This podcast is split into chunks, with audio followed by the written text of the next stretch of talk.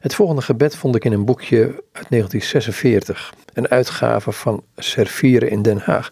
Het is een gebed van Blaise Pascal. Het gaat als volgt. Ja, Heer, tot dusver ben ik steeds doof gebleven voor uw inblazingen.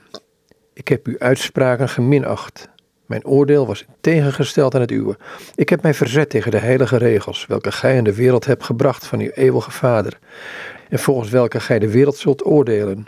Gij zegt, welzalig zijn zij die wenen, en ongelukkig degenen die vertroost zijn. En ik heb gezegd, ongelukkig zijn zij die kermen, en zeer gelukkig zijn degenen die vertroost zijn. Ik heb gezegd, gelukkig zij die genieten van een gelukkig fortuin, een roemrijke reputatie en een krachtige gezondheid. En waarom heb ik hen gelukkig genoemd? Indien niet omdat al deze voordelen hun een zeer overvloedige gelegenheid verschaften om te profiteren van hun medeschepselen en dus u te beledigen? Ja, Heer, ik beken dat ik de gezondheid voor een kostbaar goed heb gehouden. Niet omdat zij een gemakkelijk hulpmiddel is om u nuttig te kunnen dienen, om meer tijd en zorg aan uw dienst te kunnen besteden en de naaste te helpen, maar omdat ik mij dankzij haar met minder terughouding kon overgeven aan de overvloedige genoegens van het leven en er de noodlottige zaligheden beter van zou kunnen genieten.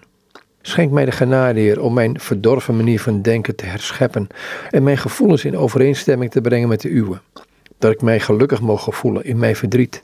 En gij, nu ik niet in staat ben naar buiten handelend op te treden, mijn gevoelens zodanig mogen louteren dat zij niet langer afkerig zijn van de uwe en dat ik op die wijze u in mijzelf mogen ontdekken, aangezien ik u te volgen van mijn zwakheid niet ter buiten kan zoeken. Want Heer, uw koninkrijk is in uw gelovigen, en ik zal het in mijzelf vinden, wanneer ik daar uw geest en uw gevoelens mag vinden. Al dus Blaise Pascal.